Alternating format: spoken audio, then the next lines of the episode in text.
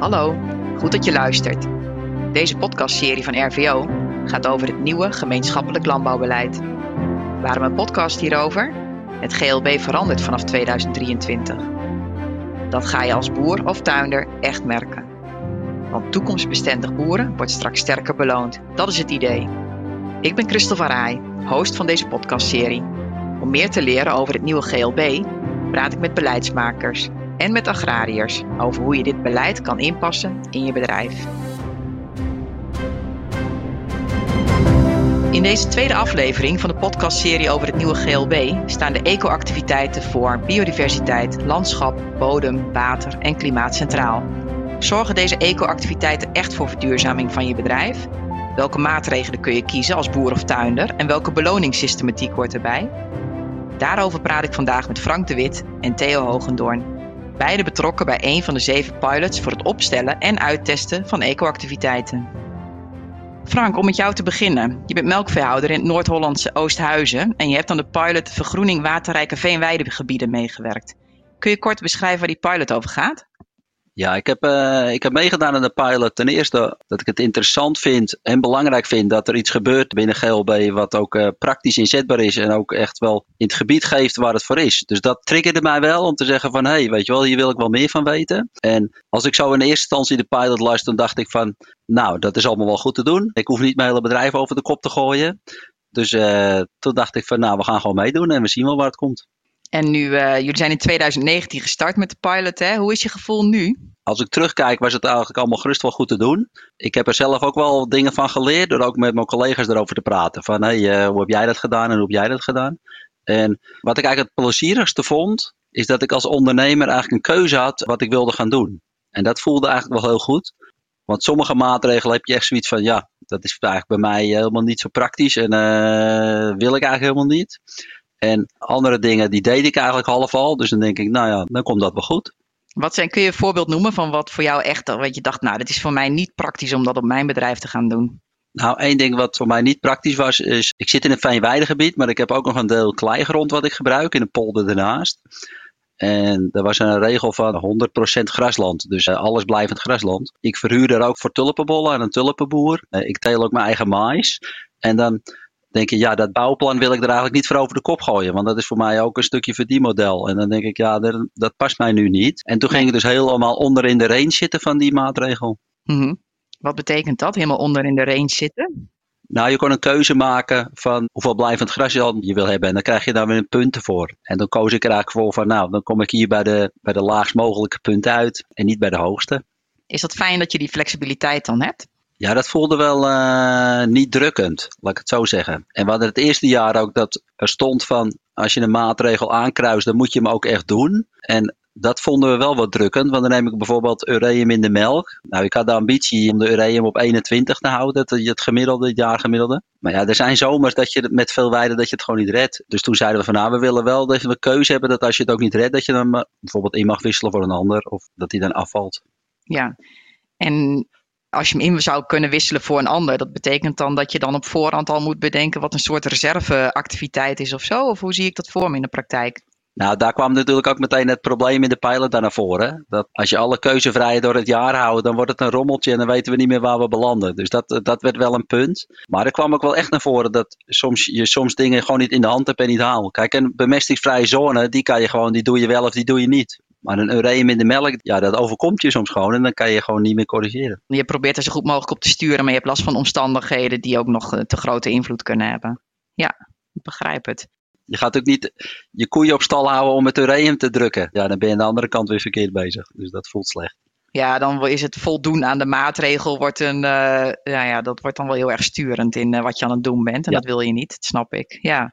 We gaan zo meteen even wat verder in op uh, een aantal dingen. Ik wil graag eerst Theo ook eventjes aan het woord laten over de pilot waar hij bij betrokken is. Theo, je bent vanuit het Flevolands Agrarische collectief, coördinator van de GLB-pilot Akkerbelt. Als ik het goed heb begrepen, een landelijke pilot waar negen akkerbouwcollectieven samen onderzoeken hoe het nieuwe GLB kan bijdragen aan een uh, gebiedsgerichte vergroening. Het is een hele andere pilot dan waar Frank net over vertelde. Kun jij iets schetsen over hoe deze pilot met akkerbouwers eruit ziet? Ja, dat kan ik zeker. Nou, je gaf al aan, het is inderdaad een pilot waarbij negen collectieven over heel Nederland actief bezig zijn om te kijken hoe we kunnen gaan vergroenen in het nieuwe gemeenschappelijk landbouwbeleid. En waar je in het verleden of in het huidige GLB eigenlijk ziet dat je ehm, ja, generieke eisen hebt voor heel Nederland. Waar je aan moet voldoen om bijvoorbeeld je ecopremie uh, of premie binnen te halen. Hebben wij nu juist geëxperimenteerd met een gebiedsgerichte aanpak waarbij je op regionaal niveau maatregelen kan toepassen. Die ook nog een stuk breder zijn als wat je nu hebt bijvoorbeeld. Om zo punten eigenlijk te scoren. En op het moment dat je voldoende punten scoort,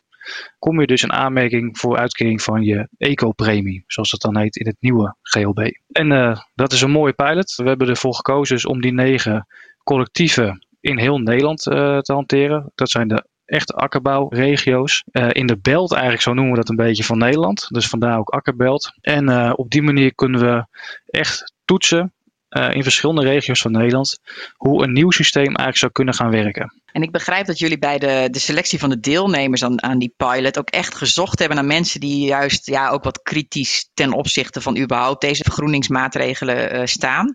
Wat heeft jullie dat opgeleverd? Ja, dat was wel echt een eis ook die we onszelf hebben opgelegd. Hè. Op het moment dat je natuurlijk zo'n pilot gaat starten en je zoekt naar deelnemers, dan ga je daar natuurlijk uh, reclame voor maken. Ga je kijken van joh, uh, zijn er mensen die mee willen doen? Nou, dat was natuurlijk ook zo. Binnen Flevoland zochten we eigenlijk 15 deelnemers die actief met de maatregelen ook in de praktijk dan ja, wilden gaan, gaan, gaan testen. Het gevaar daarvoor is natuurlijk dat je allemaal mensen krijgt die ook echt zo'n pilot zien zitten. Of dat het mensen zijn of boeren eigenlijk zijn die al heel veel doen op dat vlak. En dit dus ook uh, mooi kunnen, kunnen gaan doen. Terwijl je uiteindelijk natuurlijk ook de kritische boer wil hebben. Die er misschien wat verder vanaf staat. En nou ja, op een hele andere manier naar kijkt. En dat levert natuurlijk hartstikke mooie informatie op. Dus uiteindelijk hebben we ervoor gekozen om uit uh, een best breed aanbod van, van welwillende boeren, zeg maar even, die mee willen doen. Hebben we uiteindelijk uh, toch een aantal ja, plaatsen gericht weggegeven eigenlijk. Of gezocht eigenlijk naar boeren die wat kritischer waren. En dan zie je toch dat ze op heel veel vlakken in aanvang wat, wat kritisch zijn. En ik moet eerlijk zeggen, aan het einde van het project, want daar zitten we nu, is iedereen eigenlijk wel positief over hoe wij het uh, ingericht hebben. En uh, zien ze hier wel toekomst in. Dus dat vind ik wel leuk.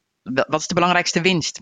Door juist die mensen te betrekken. Je, je hebt er gewoon een, een, groep van boeren die dan toch even wat kritisch op bepaalde maatregelen kijkt. Die misschien wat meer moeite hebben bijvoorbeeld met het uh, implementeren van biodiversiteitsmaatregelen. Uiteindelijk zagen ze wel in dat wij binnen de pilot, we hebben ervoor gekozen om 15 maatregelen te gaan testen. En dat is een heel breed scala van verschillende soorten maatregelen die voornamelijk binnen Flevoland op bodem gericht waren. Maar je ziet dus dat dat wel goed ontvangen werd en dat daar goed over meegedacht werd. En dat ze heel erg betrokken waren bij het vormgeven eigenlijk van die maatregelen en de eisen die eraan hangen. En dat is gewoon super positief. Als je alleen maar ja-knikkers hebt, dan wordt het wel heel makkelijk. Dus je moet er gewoon ook een, een, een kritisch clubje hebben.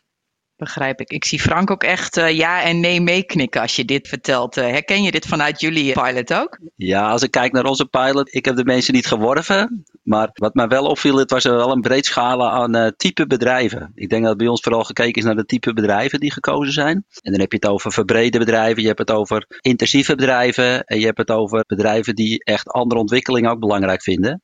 En dan zie je wel dat in de workshops, dat waren eigenlijk gewoon echt leuke bijeenkomsten. Ja, dan ga je echt met elkaar uh, discussiëren over van, ja, waarom is het jou wel gelukt? Ja, maar dat komt hierdoor. En, maar dan hangt dat er ook weer aan vast. En dan waar, waarom heb je dat wel gedaan en heb je daar niet voor gekozen? En dat zijn natuurlijk hele leuke discussies. Daar zat voor mij ook wel een leermoment in het van elkaar leren. Dat hoorde natuurlijk misschien wel niet echt bij de pilot, maar dat was wel een bijvangst voor mij, zeg maar ja, juist door de gesprekken en te horen hoe andere dingen in de praktijk doen, ook eens een spiegel voorgehouden krijgen van je zegt dat het niet kan, maar als je het op die manier doet, dan is er best veel mogelijk.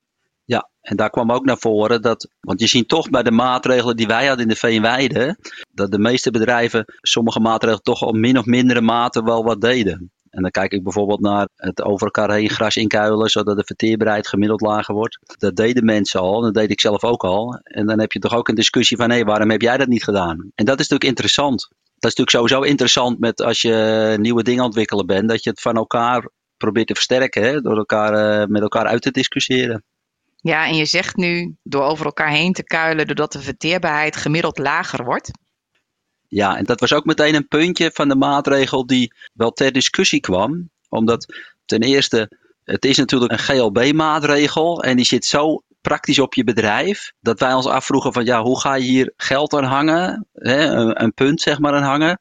Terwijl die eigenlijk alleen fysiek te controleren is. En dat was ook wel een, een, belangrijk punt wat in de pilot naar voren kwam van ja, je kan de mooiste maatregelen eh, ontwikkelen en bedenken. Maar zodra de geldtank wordt gehangen, moet je ook kijken of mensen daar ook wel oprecht en eerlijk mee omgaan. Dus of het wel controleerbaar is. Ja, dat, dat kwam wel aardig boven water in de pilot. Ja. ja, dan is er altijd op een gegeven moment het aspect borging en handhaving, wat dan toch naar voren komt. Hè? Wat wij het positiefste vonden van de pilot is dat het juist stimulerend is en keuze is. En dat is natuurlijk wat een ondernemer natuurlijk enorm triggert. Kijk, sanctioneren en dwingen voelt natuurlijk heel anders dan stimuleren en motiveren en belonen. En we zaten natuurlijk aan de beloningskant. Dus dan moet het sanctioneren ook gewoon praktisch en niet als te dwingend of, ja, of niet te frauduleus zijn. Hè? Ja, er is een belangrijke maatregel voor. Theo, jullie hadden in, uh, ik heb een beetje jullie beschrijving van de pilot gelezen en toen, daar staat heel nadrukkelijk bij, we gaan op zoek naar maatregelen die echt voor vergroening in de akkerbouw gaan zorgen. Was het dus ook nodig om echt expliciet andere maatregelen, andere activiteiten te benoemen dan wat er misschien al toegepast wordt in de sector? Ja, ja, zeker. Als je nu ook kijkt naar het nieuwe GLB, je hebt nu over de basispremie bijvoorbeeld. Hè? Dingen mhm. die je moet doen om gewoon je basishectarepremie binnen te kunnen halen. Daar lagen op dit moment niet zo heel erg veel eisen voor. Uh, anders dan dat je bijvoorbeeld aan de wet en regelgeving moest voldoen. In het nieuwe GLB zie je dat eigenlijk de maatregelen die nu in de vergroening zitten, waarschijnlijk overgedragen worden naar de conditionaliteit. Dus wat je nu voor de vergroening moet doen, wordt straks eigenlijk onderdeel van je basispremie. En wil je dan nog een keer vergroeningspremie krijgen, of eco-premie noemen we dat dan, dan zul je dus echt andere maatregelen moeten gaan toepassen. En dat was nodig, ja zeker. Binnen het huidige GLB moet je natuurlijk aan een aantal eisen voldoen. Je moet je EA-verplichting uh, in kunnen vullen. En een vrij eenvoudige manier om die EA-verplichting te kunnen invullen is door het zetten van een vanggewas. Dat gaat dus nu echt naar die conditionaliteit toe. En ja, nu moet je dus echt meer gaan doen om, uh, om die vergroening voor elkaar te krijgen. We hebben wel gekeken naar van, joh, wat moet dan de vergroening eigenlijk inhouden? We hebben een aantal punten, biodiversiteit, landschap, bodem, water, klimaat. En we hebben eigenlijk alle maatregelen die we bedacht hebben, daar is even naast gelegd en gekeken van in hoeverre dragen ze dan bij aan die verschillende doelen. En in een eerder stadium hebben we eigenlijk nog met onze gebiedspartners, en hebben we het over het waterschap en de provincie, maar ook terreinbeherende organisaties gekeken van wat zijn eigenlijk de doelen voor Flevoland binnen onze regio, waar willen we aan werken. Wat is belangrijk om eigenlijk op alle vlakken even een stapje bij te kunnen zetten. En daar kwam eigenlijk heel erg naar voren dat het thema bodem een goed item was. Heb je een goede bodem, een gezonde bodem, dan heeft het ook invloed op je biodiversiteit, hè, je bodemleven, maar ook op uh, eventuele afspoeling van water, nutriënten, gewasbeschermingsmiddelen en dat soort dingen. Dus we kwamen eigenlijk heel snel erachter dat we onze maatregelen moesten gaan zoeken in het thema bodem. En vervolgens moesten kijken van in hoeverre draagt die dan nog weer keer bij aan alle andere thema's. Dat is een heel mooi proces geweest. We hebben veel tijd voor uitbesteed. Of ja, gekeken van joh, wat, eh, wat gaan we daar nou precies aan doen? En ik herken heel erg uh, wat er net werd gezegd van joh, wij willen met dit systeem ook controleerbaarheid hebben. Er waren een aantal maatregelen die we toch niet door hebben laten gaan, omdat het gewoon niet controleerbaar was. Er zit nu nog één maatregel in, zoals een niet kerende grondbewerking of een ondiepe grondbewerking, die eigenlijk nog steeds wel heel moeilijk te controleren is maar wel een hele grote bijdrage levert aan het thema bodem, bodemleven, organisch stof boven in je uh, voorhouden. Dus ja, die hebben we uiteindelijk toch ingezet. Uh, ook om te kijken van wat doet dat dan? En is het dan uiteindelijk ook controleerbaar? Nou, je komt er wel achter. Het is controleerbaar, maar niet vanuit een satelliet. Je moet echt het veld in en eigenlijk met de meetstok op het goede moment nog uh, gaan meten van ja, is hier minder dan 15 centimeter diep geploegd? En dat zijn toch wel dingetjes die in de pilot dan heel mooi naar voren komen en je in zo'n clubje heel goed kan testen. Ja, en ik vind het ook wel mooi om te horen. Hè. Normaal is het zo van laten we alsjeblieft niet nog meer controles hebben. We krijgen al genoeg controles. En wat jullie dus kennelijk in beide pilots hebben gedaan, is juist wel met de melkveehouders, maar ook met akkerbouwers in gesprek over hoe kunnen we dit nou controleerbaar maken. Ja, klopt. Ja. Ja, dat is toch uiteindelijk waar het om gaat. Je kan een hele mooie maatregel opstellen. Als je vervolgens erachter komt dat die ja, niet uitvoerbaar is. Hè, en dan heb ik over niet het praktische gedeelte, maar eigenlijk het administratieve, het controleerbaarheid ervan. Ja, als dat dan niet kan, ja, dan zal die gewoon afvallen. En dan, uh, dan doet hij niet meer mee. En ik hoorde ook wel andere dingen. Wij, wij, wouden ook heel graag dat er gewoon draagvlak voor was. En dat er groot en breed, uh, brede groep van, uh, van boeren hier aan mee zou willen doen. Alleen dan kan je met elkaar ook echt die stap zetten in de vergroening die we eigenlijk op dit moment even nodig hebben. Ja, en helpt dan de selectie in deelnemers zoals jullie hem gedaan hebben daar juist ook bij om een grotere groep uh, akkerbouwers hierbij te betrekken? Ja, wij denken van wel. We hebben 15 uh, eh, deelnemers dus in Flevoland geselecteerd daarop. We hebben eigenlijk een aantal selectiecriteria vastgesteld, waaronder bedrijfsgrootte er bijvoorbeeld eentje is. Ja, je hebt natuurlijk een groot bedrijf en een klein bedrijf. En wat doet zo'n nieuw systeem dan op die bedrijven. Uh, we hebben bijvoorbeeld ook gekeken naar bodemtype. Zijn er bepaalde maatregelen die je bepaalde bodemsoorten wel of niet zou kunnen uitvoeren? ben je gangbaar of ben je biologisch? We hebben een gemengd bedrijf erin zitten. En we hebben ook echt op locatie gekeken. Dus zit je in het noorden of in het zuiden. En dat geeft voor ons een vrij mooi beeld. 15 deelnemers is nog heel weinig hoor. Maar dat geeft nog wel een vrij mooi beeld van de gemiddelde Flevolandse boer. En je hoopt ook dat die dus op een bepaalde manier ook een soort visitekaartje zijn voor het nieuwe GLB eigenlijk. Voor de uh, activiteiten die je kunt doen. Ja, klopt. Ja, dat is het ook echt uitdragen, er enthousiast over zijn. En de, tijdens de fysieke bijeenkomsten zat iedereen ook bij elkaar, was iedereen ook wel echt enthousiast. Maar je merkt ook wel dat op het moment dat er bijvoorbeeld een vraag kwam vanuit de Nieuwe Oost of de boerderij of wat dan ook, dat veel boeren ook wel ervoor open stonden om, om geïnterviewd te worden en het ook echt uit te dragen. En ja, positief over waren. En jullie hebben sowieso het puntensysteem, wat Frank net ook al even noemde. daar hebben jullie ook expliciet uh, naar gekeken, hè? samen met de deelnemers ook. Waarbij elke ecoactiviteit staat voor een aantal punten die je kunt scoren hè, op de onderwerpen biodiversiteit, landschap, bodem, water en klimaat. Kun je, kun je iets meer uitleggen, Theo, hoe dit systeem werkt? Ja, zeker. Dat klopt inderdaad dat, dat we echt gekeken hebben dus naar uh, in hoeverre draagt een uh, bepaalde maatregel bij aan die vijf thema's. Maar eigenlijk de eerste stap die we hebben genomen is gewoon gekeken van wat kost eigenlijk een maatregel. Het hele puntensysteem en de hele systematiek eigenlijk van, het, uh, van de ecopremie die is gebaseerd op een kostenstructuur. Wij hebben gerekend met een hectarepremie van 127 euro per hectare. Maar dat houdt dus eigenlijk ook in dat je die alleen kan verzilveren op het moment dat je ook daadwerkelijk voor die 127 euro per hectare aan maatregelen hebt uitgevoerd. Dus we hebben in het eerste stadium hebben we gewoon gekeken samen met Counters, een boekhoudkantoor die veel actief is hier, naar wat kost eigenlijk een maatregel om uit te voeren op een bedrijf. Je hebt een stukje opbrengstderving waar je rekening mee moet houden. Je hebt misschien extra kosten waar je rekening mee moet houden en eventueel een risico voor een vervolgteelt. Die drie dingen bij elkaar opgeteld zorgt ervoor dat je een soort van kostenplaatje krijgt voor een maatregel. En die is eigenlijk ook de basis van je punten. Heb je een dure maatregel, dan heb je ook meer punten voor die maatregel. Vervolgens hebben we ja, gekeken van bijvoorbeeld als een maatregel 90 punten heeft, hoeveel punten daarvan draagt hij dan bij aan biodiversiteit, landschap, bodem, water of klimaat? En daar kwam een hele kostenstuk of een heel, heel berekeningssystematiek achter. Uh, die hebben wij in een heel simpel Excel-bestandje gezet. En wat een boer dan vervolgens eigenlijk doet, is gewoon zijn bouwplan, zoals hij hem nu op dit moment heeft, in dat systeem zetten. Hoeveel rustgewassen heb je? Uh, zijn er bieten die je bijvoorbeeld vroeg oogst? En zo ja, uh, hoeveel hectare is dat dan? Zet die dan in het systeem? En je ziet dan dat op het moment dat je bijvoorbeeld 5 hectare van een bepaalde maatregel uitvoert, dat daar gelijk een berekening achteraan komt en uh, dat je ziet dat je op biodiversiteit een aantal punten scoort op landschap, bodem en water. En dat moet voldoende zijn. Je moet ten eerste gewoon voldoende punten halen om die 127 euro per hectare te mogen verzilveren. Maar vervolgens moet je ook op elk onderdeel, biodiversiteit, landschap, bodem, water, klimaat, ook voldoende punten scoren. En dat klinkt heel lastig. Uh, en dat is iets wat wij in aanvang uh, eigenlijk niet wilden. Wij wilden een, een, een eenvoudig systeem hebben. Maar je ziet wel dat op het moment hè, dus dat je eigenlijk gewoon je bouwplan invult. Uh, en bijvoorbeeld ook nog eens aangeeft van hoeveel akkerranden je uh, gebruikt en dat soort dingen. Dat er al heel snel een berekening achter komt. En het idee is dat we straks dat gaan implementeren in de gecombineerde opgave. Dat zou het mooiste zijn. En dat daar dan gewoon een, nou ja, een berekening achter komt. En op het moment dat je op biodiversiteit dan bijvoorbeeld te weinig punten zou scoren, ga je terugdenken en ga je kijken naar het maatregelenmenu.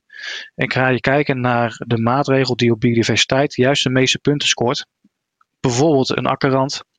En dan, uh, dan, dan zou je die iets vergroten en dan kom je uiteindelijk goed uit. Dat is het idee. Betekent dat ook dat je op ja, zeg maar de vijf basisonderwerpen die je hebt, dat je daar ook allemaal een ondergrens in moet halen? Je kunt dus niet zeggen, ik kies voor biodiversiteit, landschap en bodem en ik laat uh, water en klimaat even zitten?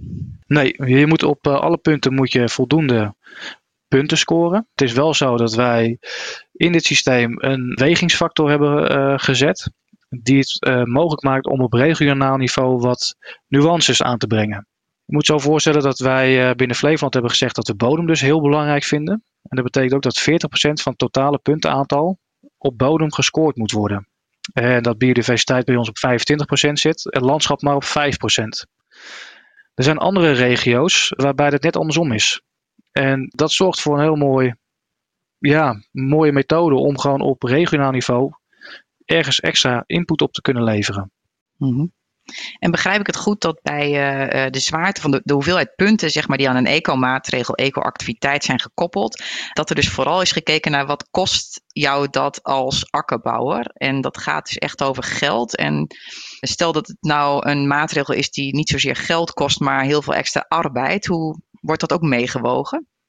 Ja, arbeid is een van de punten die dus in die kostenstructuur wordt doorberekend. Dus moet je echt extra, extra tijd en energie erin steken, dan is dat wel doorberekend. En zie je dat ook terug in het totale puntenaantal. Dus komen we wel tegelijkertijd, ja, lopen we er een beetje tegenaan dat er niet echt ruimte is voor een soort van maatschappelijke waardering. Er zijn maatregelen bij die bijvoorbeeld heel goedkoop zijn.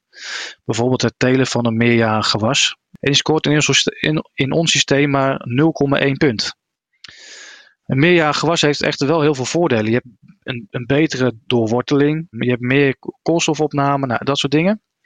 Maar 0,1 punt is echt eigenlijk helemaal niks. Ter vergelijking, eiwithoudend gewas bijvoorbeeld telen, wat ook belangrijk is hè, voor de kringlooplandbouw, staat op, even kijken, 63 punten. Dus dat is iets heel anders. En waar komt het dan vandaan? Een meerjarig gewas is in de basis gewoon goedkoper om te telen. Je hebt maar één zaaimoment eh, in plaats van twee. En, en, dan zie je dus ook dat dat in het kostensysteem ja, weer terugkomt in je, je puntenwaardering. En wij zouden eigenlijk nog wel heel graag willen dat er een soort van maatschappelijke waardering is. Die eigenlijk ervoor kan zorgen dus dat bijvoorbeeld het telen van een meerjarig gewas extra gewaardeerd wordt. En dus ook meer gestimuleerd wordt. Ja, is dat iets voor de toekomst? Of, want jullie geven aan, wij zouden dat heel graag willen. Wat gebeurt er dan met zo'n wens?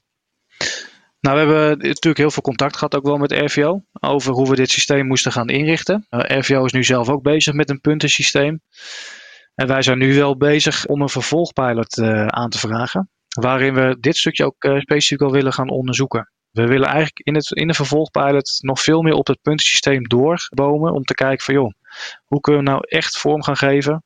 Hoe zouden wij hem als FAC, maar ook als boeren zeg maar, en als samenwerkingsorganisaties een puntsysteem willen, willen neerzetten? Ja, omdat daar uiteindelijk de grootste stimulans ook wel vandaan komt. Ja, ik denk qua draagvlak dat dat wel heel belangrijk is. Hè? Het wordt door boeren gedaan, met boeren gedaan. En dat is gewoon heel belangrijk. En uh, wij willen gewoon heel erg in het, in het veld testen of een maatregel ook praktisch is. En of er ook draagvlak voor is. En of mensen het ook echt gaan doen. Frank, jij hebt denk ik als melkveehouder met hele andere eco-activiteiten te maken. Je hebt er straks al een paar genoemd. Heb jij een beeld bij hoe het puntensysteem voor die maatregelen ja, tot stand is gekomen? Ja, kijk, we hebben daar wel discussie ook over gehad. Omdat er werd ook inderdaad verteld, het is een, een maatregelenstructuur die gebaseerd is op kosten. Maar wij kwamen al achter een paar dingen al vrij snel. Ten eerste, er zaten een paar maatregelen bij die dan een beloning hadden. Net wat Theo ook al zei, van, ja, die gewoon zo laag is dat die niet stimuleert om hem te gaan doen. Voor 50 euro ga je geen maatregel uitvoeren. Want dan denk je, ja, dan moet ik er nog aan denken. Ik moet nog zorgen dat het niet fout gaat. Dus die laat ik zitten. Dus wij kwamen er ook wel achter dat sommige maatregelen je op een andere manier moest waarderen dan alleen op geld. Omdat anders dan krijg je niet het effect wat je hebt. En ten tweede, je kan soms wel drie dagen rekenen aan een maatregel wat, het, wat de kosten en het effect is. Omdat alles hangt aan elkaar. En dan ga ik weer bijvoorbeeld naar dat ureum in de melk. Dat is, dat is niet alleen dat je zegt van ik schep een ander schep voer voor mijn koeien en mijn ureum is gezakt. Dat kost bijvoorbeeld zoveel. Er hangt van alles aan vast. Dat gaf ons bij ons wel discussie over van ja, hoe gaan we hier nu mee om? En we kwamen er dus ook wel achter dat als het een stimulerende maatregel die weinig beloont, die geeft dus ook weinig effect. Of dat, ja, dat stimuleert ook weinig. Dus wij hebben in het tweede jaar ook gezegd van hé, hey, maar stel nou eens dat we die beloning omhoog doen, gaat die dan wel werken, zeg maar. En dan zie je de mensen zeggen, ja, maar voor 1000 euro, dan ga ik echt wel een halve meter meer uit de kant maaien, om het zo maar te zeggen.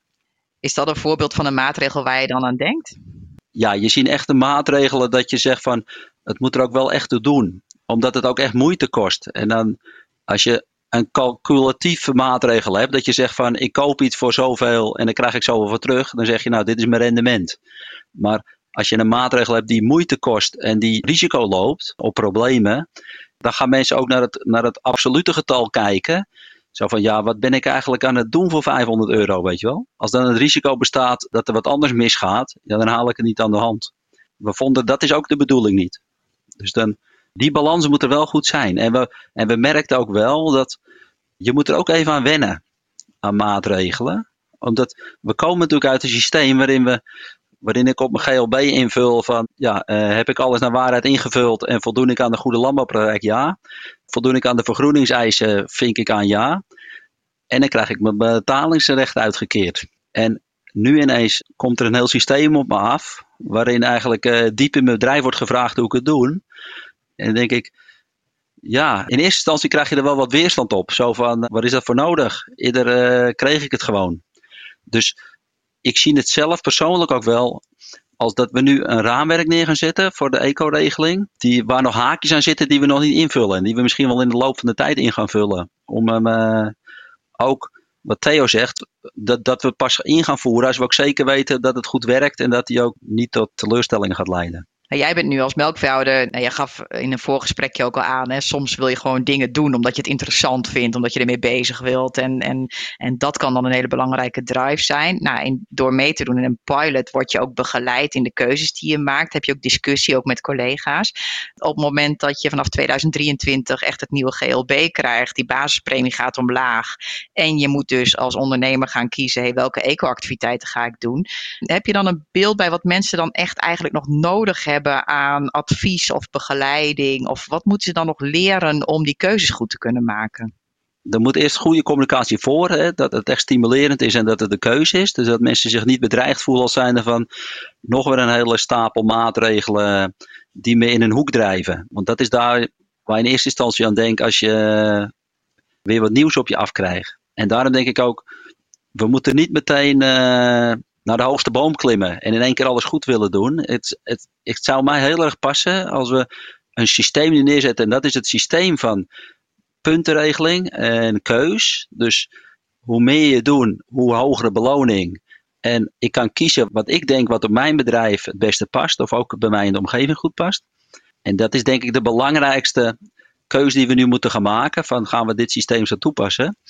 En laten in de loop van de tijd het maar opschalen. Want net als biodiversiteit, waar Theo ook over, uh, over heeft. Ja, er zijn heel veel mensen die vinden dat toch nog wel een, uh, een ingewikkeld woord. Omdat het dat ook zo is. En als je daar meteen iets heel ingewikkelds bouwt, dan ja, dat schrikt het wel heel erg af. Dus ik denk dat communicatie een belangrijk punt is van breng het laagdrempelig en uh, niet ingewikkeld. En laten we proberen te zorgen om mensen daarin mee te laten groeien. Tot nu toe hebben jullie vooral verteld op welke manier er in de pilots gewerkt wordt, hoe het werkt met de eco-activiteiten en het daaraan gekoppelde puntensysteem. En daarmee komen we aan het einde van deel 1 van deze podcast. In het tweede deel gaan we dieper in op de uitvoerbaarheid van de maatregelen en de werking van het puntensysteem in de praktijk. Deel 2 van dit gesprek en de andere podcasts zijn via de website www.rvo.nl/slash nieuwglb te horen. Heb je als luisteraar vragen of opmerkingen? Mail ons dan via het nieuwe glb.minlnv.nl of reageer via Twitter, het RVO. En voor nu, bedankt voor het luisteren.